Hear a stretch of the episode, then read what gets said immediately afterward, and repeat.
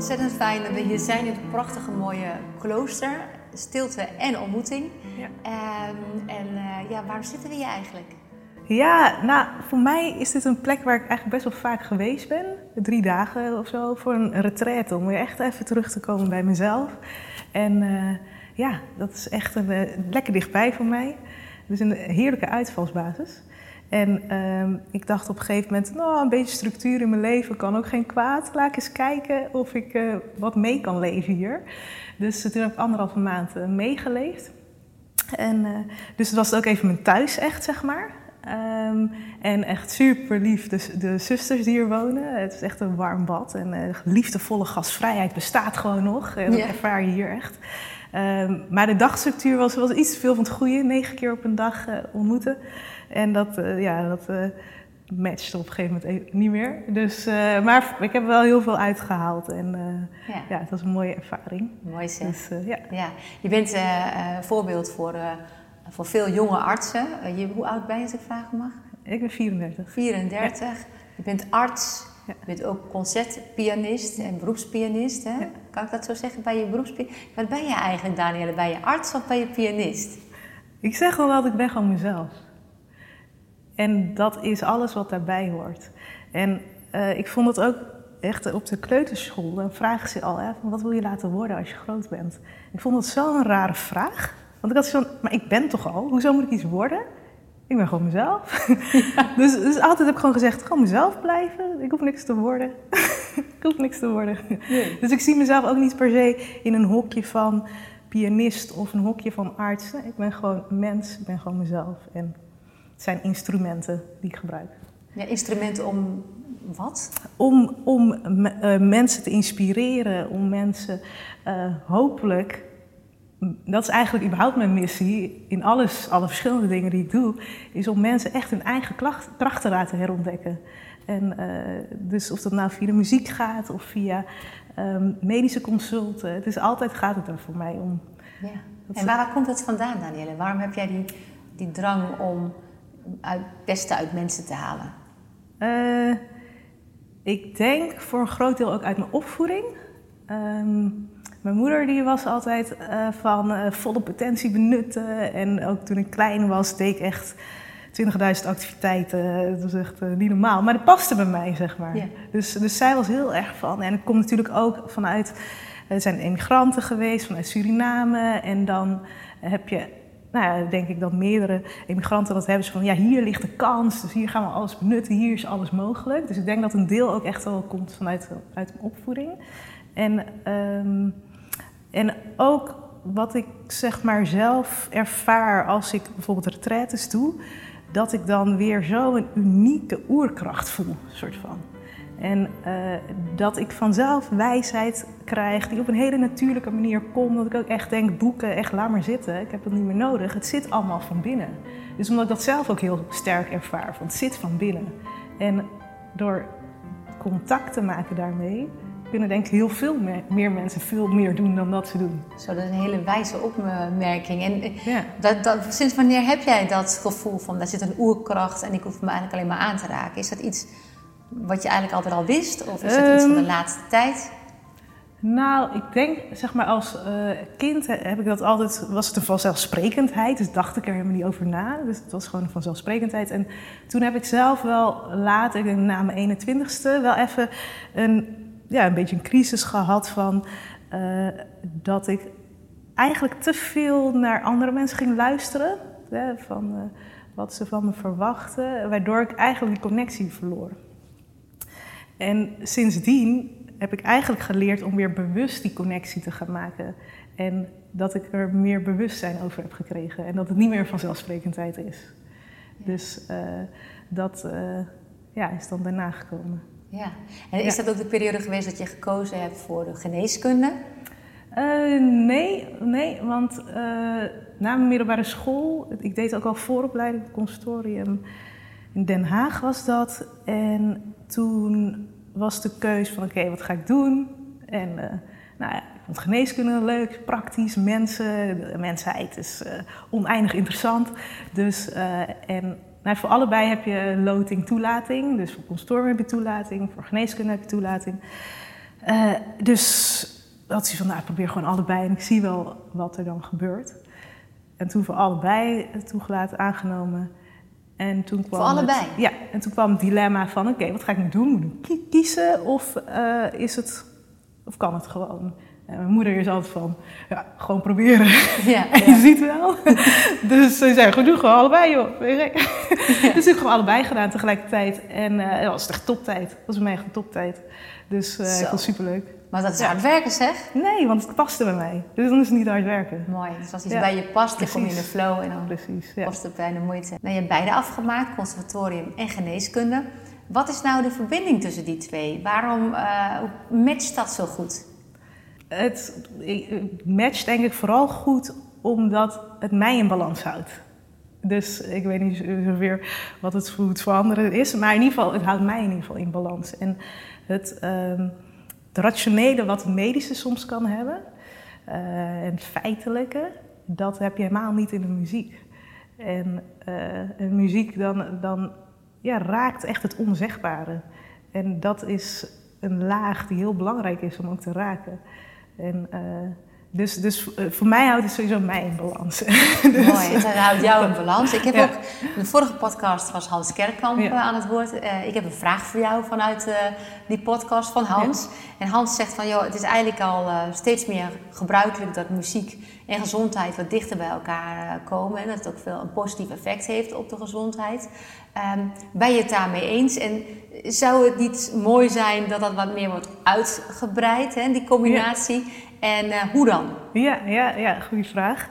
Um, ja, ik denk zeker dat het, uh, dat het een toegevoegde waarde kan zijn. Volgens mij in Turkije is er ook een soort ziekenhuis waar ze muziek echt heel erg toepassen. Dus uh, dat is wel interessant. Um, en wat nou de feitelijke wetenschappelijke achtergrond heb ik niet in verdiept, maar wat ik wel heel sterk merk, is dat, dat mensen door muziek bij een emotie komen.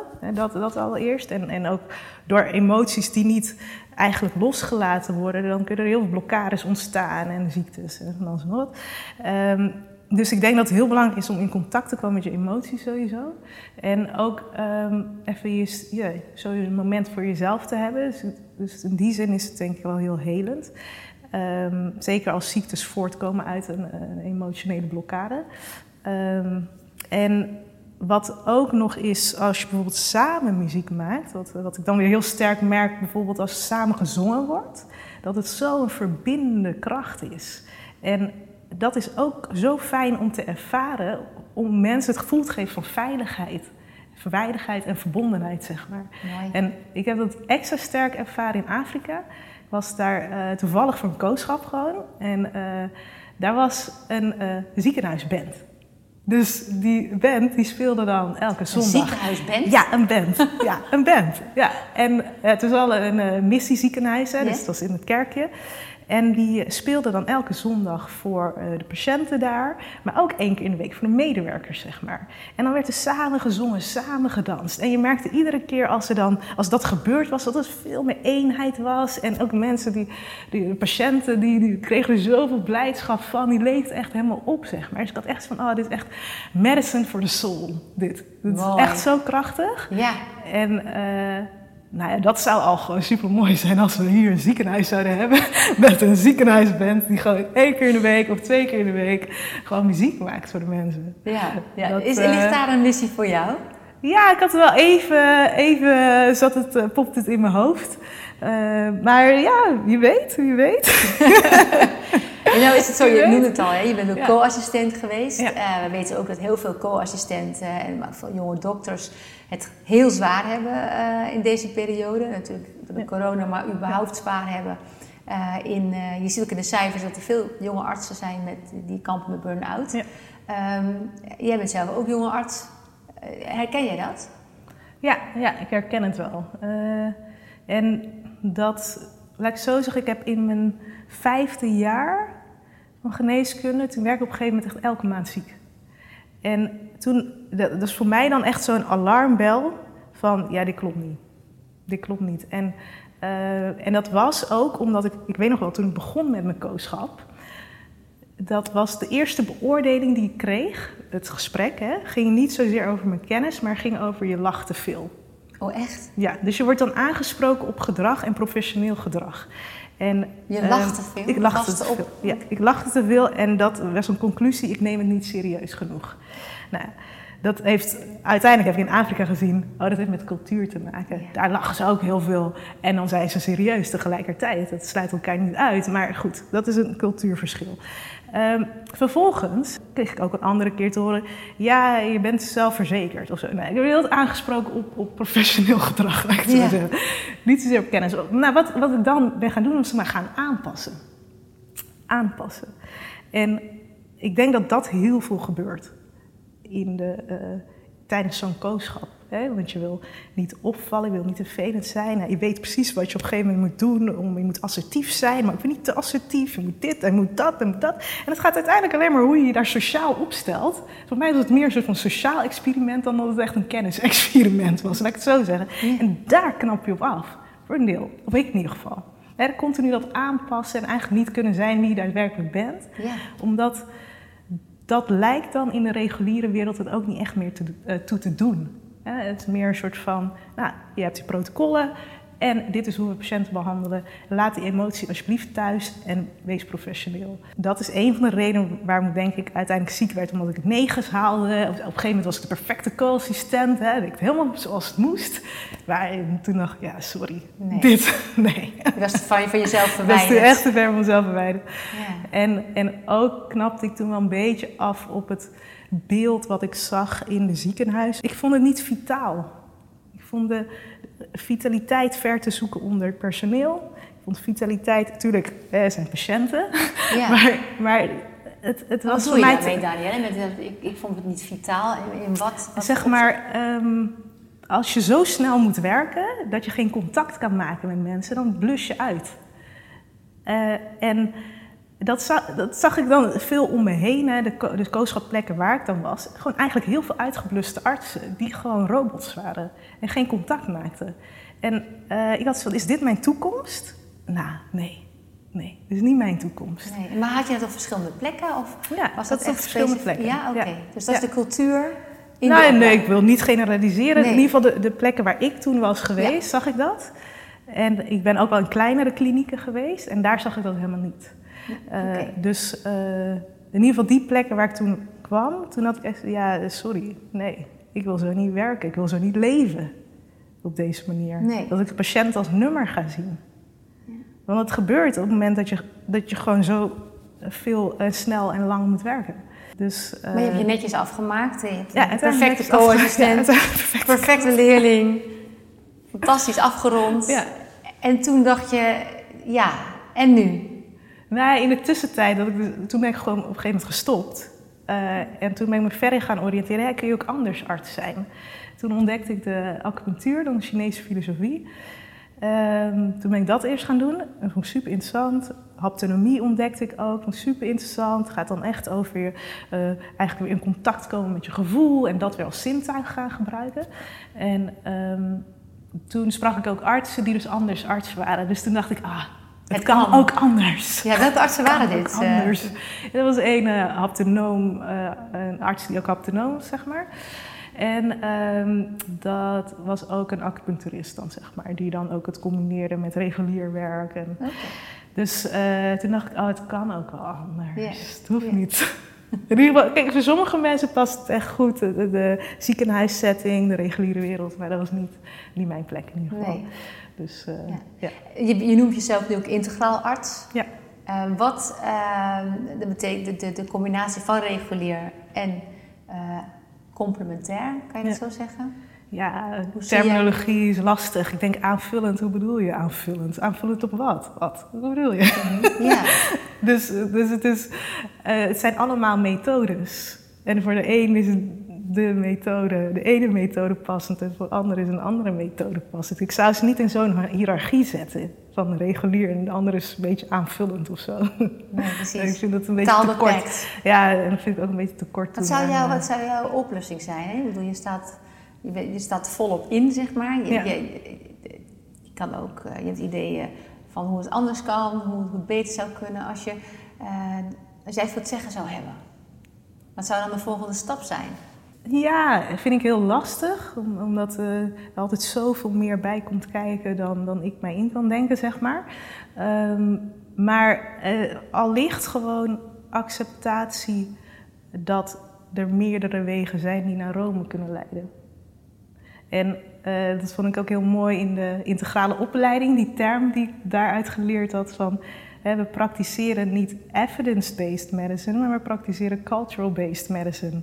Want laat ik zeggen, complementair wordt afgezet een beetje als van is niet bewezen en uh, werkt niet, alleen maar placebo. En regulier is allemaal wel bewezen, en, uh, maar dat is het helemaal niet. En er is ook heel veel wat bewezen is in het complementaire circuit, wat niet geaccepteerd wordt. En ik schrok daar ook van. Ik heb in het AMC, het Academisch Medisch Centrum in Amsterdam, heb ik onderzoek gedaan op een gegeven moment naar acupunctuur. En het was bij een anesthesieafdeling. En uh, het was, ik voelde me echt een soort van heks daar op die afdeling, want iedereen vond het vet raar. en dacht, nou ja, maar toen ging ik dus artikelen lezen over acupunctuur. En toen ontdekte ik hoeveel bewijs er al wel niet was. En ook dat er een, uh, dat British Medical Journal gewoon een wetenschappelijk tijdschrift heeft voor acupunctuur. En ik dacht van, hè? Hoezo doen we hier met z'n allen alsof het placebo is? Er is al superveel bewijs. En dan, denk je, ja, maar waar komt die angst dan vandaan? Het is echt dan een cultuurclash. Van gewoon, ik accepteer het niet, want dat is, ja, dus, dus zeg maar iets meer openheid naar verschillende methodes en, um, en ook iets meer uh, gericht dus op dat zelfherstellende vermogen en op leefstijl. En um, ja, dat, uh, dat zou ook gewoon heel mooi zijn. Ja, is dat ook iets wat je in de opleiding hebt gehad? Leefstijl en, en, en uh, het voorkomen van ziekte? Nee, niet echt. Nee. Misschien dat er wel genoemd is hè, van als je hoge bloeddruk hebt, ja, dan moet je inderdaad op voeding letten. En dan wordt dan altijd niet-medicamenteus advies genoemd. En dan wordt even snel zo niet-medicamenteus advies, leefstijl. Ja. En, uh, maar volgens deze medicatie, deze medicatie, deze medicatie. Dus het voelde altijd een beetje alsof een ondergeschoven kindje. Ja, ja. Niet, niet echt ja. belangrijk, maar noem het wel even. En uh, dat is in ieder geval hoe ik het geïnterpreteerd heb. Misschien interpreteren andere mensen het anders. Nee, nee. Ik heb voor mijn gevoel niet echt geleerd van uh, nee. hoe kun je ziekte voorkomen. En als het voorkomen was, dan was het secundaire preventie. Dus als je diabetes hebt, hè, hoe voorkom je dat je polyneuropathie krijgt? Dus uh, dan was het daar wel weer op gericht, zeg maar. Als je dan naar de toekomst kijkt, wat is nou jouw wens voor de gezondheidszorg? Uh, ja, dat leefstijl dus belangrijker wordt en ook het, um, de intuïtie belangrijker wordt. Dat hoop ik ook. Want er zit Tennis, gewoon... waarom is die intuïtie zo belangrijk? Omdat mensen eigenlijk zelf weten wat ze nodig hebben. Heel vaak. Veel meer dan dat ze denken. En um, als dat ook net wat vaker aangesproken wordt, dan kunnen behandelingen ook veel effectiever zijn. En uh, dat te maken met de eigen, eigen regie van die patiënt of van de cliënt? Ook, maar ook omdat zij echt weten wat het probleem is. Zij weten het echt. En wij kunnen als artsen natuurlijk een beetje helpen, sturen, coachen en vragen stellen. Maar zij weten echt wat het probleem is. Oké. Okay. Dus... Hoe, hoe, zou je dat dan... Uh, als zij weten wat het echt probleem is, de intuïtie. Dus zij voelen zelf aan hun lijf wat past en wat niet past. En dan zou je als arts meer naar moeten luisteren of meer naar moeten vragen. Hoe zou jij dat dan inrichten? Ja, ik zou ze er meer naartoe uh, brengen. Want het eerste punt is eigenlijk het herkennen sowieso. En voor mensen is het vaak makkelijk om, om de fysieke pijntjes te herkennen. Daar komen ze dan ook vaak mee. Um, van, ja, ik heb hier last van. Um, en, maar om dan vervolgens te gaan voelen uh, of bewust te zijn van de gedachten, dat is ook vaak al ietsjes makkelijker. Maar gebeurt ook niet altijd hè, dat je observerend naar je eigen gedachten bent. Maar emoties echt te voelen. Dat is al ietsjes lastiger. En dan als je nog een diepere laag gaat, contact maken echt met je kern. Dat is voor sommige mensen echt wel helemaal ver te zoeken, zeg maar. Um, dus, dus leren van herkennen überhaupt, van al die lagen, dat is denk ik prioriteit nummer één. En uh, daarna het gaan omarmen als van, oké, okay, maar dit is, dus, dit is dus zo. En wat heb ik dan dus nodig? Nu, Mooi. op dit moment. En... Mm -hmm. uh, en dat soort gesprekken kun je prima met jezelf voeren. En dan kun je ook leren hoe je dat dan doet, zeg maar. Maar, ehm, en dat is ook, in ieder geval voor mij, een, een belangrijke tool voor het zelfhelend vermogen. Dat je echt die bewustwording hebt en het ook echt accepteert. Oké, het is nu zo. En dan kan je lijf ook weer de balans herstellen. Want als je continu ergens tegen verzet, dan is er geen herstel mogelijk. Dus uh, in, die, ja, in die hele genezing is. Ja, en daar zit zeg maar ook een stukje intuïtie in. Van de bewustzijn van uh, wat er eigenlijk van binnen allemaal gebeurt. En dan ook bijvoorbeeld op voeding. Voeding vind ik dan ook zoiets lastigs. Want er zijn heel veel meningen over allerlei diëten. En uh, de een pretendeert de waarheid te spreken, de ander. En dan zijn er daarna weer nieuwe inzichten. En ik vind dat zo ingewikkeld. En natuurlijk zijn er bepaalde waarheden wel. Hè, dat je uh, van, van bijvoorbeeld toegevoegde, te veel toegevoegde suiker en hoge glucose krijgt. Ik heb zoiets van, joh, je lijf weet heel goed wat hij nodig heeft. En waarom zijn we niet bezig met mensen leren te voelen wat hun lijf nodig heeft en te voelen waar ze goed en wel, niet, wel of niet goed op reageren? En als je dus überhaupt ook al met meer bewustzijn eet, dan voel je wat het met je darmen doet. Dan voel je wat het, uh, of je er loom wordt, of helemaal slow, of dat je juist denkt, yes, ik kan de dag weer aan, zeg maar. En, en niet van, ja, regels, regels, je moet dit en dit, want dit is voor iedereen goed en dat en dat. Ik geloof er niet zo in echt meer terug naar die intuïtie. Want je lijf weet echt wel wat hij nodig heeft. Dus dat... Uh, Wauw, dat is heel mooi. Dus je zegt uh, emoties, intuïtie. Uh, je hebt je eigen kompas in, je, in je eigen lijf. Geef mensen inzicht in dat kompas en zorg ervoor dat ze bij die kern al die lagen kunnen voelen. En ook naar die kern kunnen gaan. En als je dat kunt aanraken, dan staat de weg naar zelfherstellend vermogen staat in ieder geval open. Ja, zeker. Oké, en wat betekent dat dan als dat als we dat mensen meer zouden uh, leren, is dat dan een rol ook van de arts van de toekomst? Ja, hopelijk wel. Hopelijk wel. Ja. Ja. In ieder geval, het is in ieder geval mijn manier hoe ik uh, met gezondheid bezig wil zijn. Want het past ook bij mij en ik heb zelf ervaren hoe dat dan is. Dus, uh, en misschien niet voor iedereen, maar het is in ieder geval mijn manier. Dus, in de afgelopen periode, coronaperiode, ja. natuurlijk chaos, hectiek en ja, wat komt er op ons af en hoe gaan we daarmee om? Ja. Hoe ben jij daar als, als arts mee omgegaan? Wat, wat als integraal arts? Ja, ja. Wat ik merkte, hè, dat, dat er heel veel adviezen ook kwamen vanuit de, nou ja, mondkapjes, wel of niet mondkapjes, wel of niet die vitamines, wel of niet zus, zo, wel of niet. Ja. En dat ik dacht van, hé, maar dit zijn allemaal dingen buiten onszelf allemaal dingen buiten onszelf die we om controle nog te hebben ergens op. Ik dacht van nee, dit is het ultieme moment om naar binnen te keren en echt soort van verplicht eventjes tijd met jezelf door te brengen en even weer te huishouden daarbinnen, zeg maar. Dus toen uh, wou ik eigenlijk alleen maar als reactie daarop gewoon een, een, een grapje delen posten van een uh, retraite dagprogramma. Hoe je nog structuur in je dag kan houden. Dus ik deelde dat met mijn zus. En ik zeg, ja joh, zullen we, zullen we even een mooi uh, fotootje maken met een mooi dagprogramma. En uh, toen raakten we er echt zo enthousiast van. Dachten we, nee, nee we kunnen ook nog wel leesadviezen. En um, meer wat betreft mindfulness. En ja, allerlei andere adviezen nog meegeven. Of inspiratie. Hoe mensen ook rust kunnen vinden, maar ook zichzelf toch kunnen vermaken, zeg maar. Yeah. En uh, dus toen is dat uitgegroeid tot een 21-daagse do-it-yourself retraite. waar we dus echt gewoon elke, ja, elke dag dan uh, inspiratie stuurden. En ja, deden we best wel wat mensen mee. Dus, oh, echt uh, deden de ja, mensen mee? Ja, ja je deed echt meer dan 100 man meegedaan uiteindelijk. Dus dat, ja, dat was superleuk. En uh, we proberen dat ook echt holistisch aan te pakken. Dus echt alle onderdelen, hè? Je, je hoofd, je lichaam en je geest, zeg maar, te voeden. Ja, smaakt er dan meer, Danielle? Ja, dat smaakt zeker naar meer. En, wat, en wat, kan je daar, doe je daar ook met je muziek iets in? Ja, zit daar ja er zat, zat, ook muziek in. Ja, dus ook uh, toen op een Constorm ooit een uh, onderzoek gedaan naar wat muziek doet in het donker. Hè? Als je op de luisteraar en zowel voor de muzici. En daar kwam eigenlijk grappig genoeg uit dat...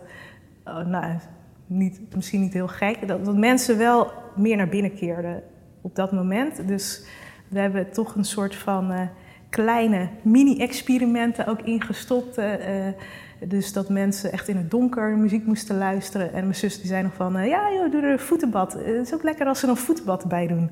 Ik zei, oké, ja, maar dan moet ik het wel zo opnemen voor de juiste beleving. Dus toen heb ik het opgenomen in het donker, met mijn voeten in het voetenbad. heb ik dan muziek opgenomen. En die hebben de andere mensen Die heb je zelf Ja, die heb ik zo opgenomen. Ik dacht, je moet wel in dezelfde setting als het mensen gaan luisteren het opnemen. Ja. Dus toen heb ik in het donker, pikken donker, met mijn voeten in het voetenbad uh, piano muziek op zitten nemen. Dus uh, dat, uh, en dat dan gedeeld. Wat mooi, Danielle. Ja, je straalt ook helemaal als je dit vertelt. En, en ik zie ook dat het bij jou heel natuurlijk in elkaar valt. Hè? Jij hebt volgens mij geen last van schotten. En uh, waar, waar mensen jou in plaatsen, maar je bent inderdaad heel erg bij jezelf. En dat mm. straal je ook uit. Dat is ook heel mooi om te zien. Um, je hebt ook muziek gecomponeerd waarin je dit gevoel ook uh, wil laten horen en delen met ons. En daar gaan we straks ook naar luisteren. Volgens mij één mooi stuk vertelde je over dat je in, in Zwitserland, Oostenrijk, ja, Zwitserland. was dat ook alweer? Ja, Zwitserland. Ja. ja. Ja. klopt. Toen was ik dus op een uh, filosofiekamp. en uh, toen was er geen ruimte echt uh, om muziek te maken. echt een goede ruimte. En ze hadden me wel eigenlijk toegezegd. Dus toen was ik zeven dagen al, zat ik al op eieren soort van.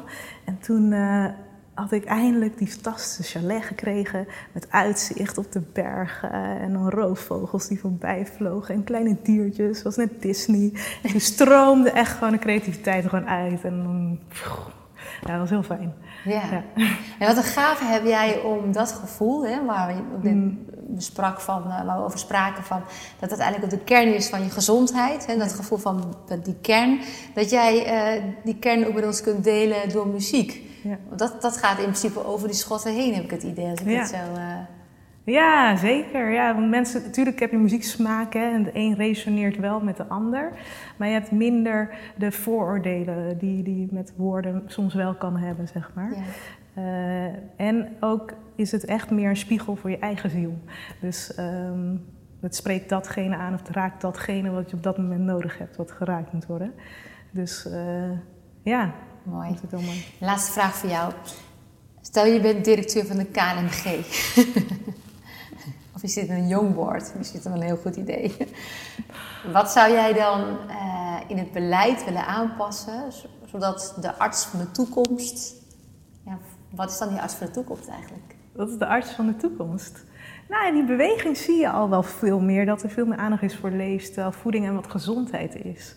Dus dat we echt gewoon artsen worden die zich met gezondheid bezighouden en, en het voorkomen van ziekte.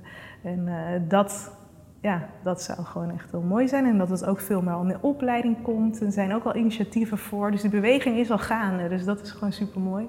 En uh, ja, ik hoop dat daar meer van komt. We gaan een mooie toekomst tegemoet. Ja. Dankjewel, Danielle Born. Ja, dankjewel. Hartstikke fijn.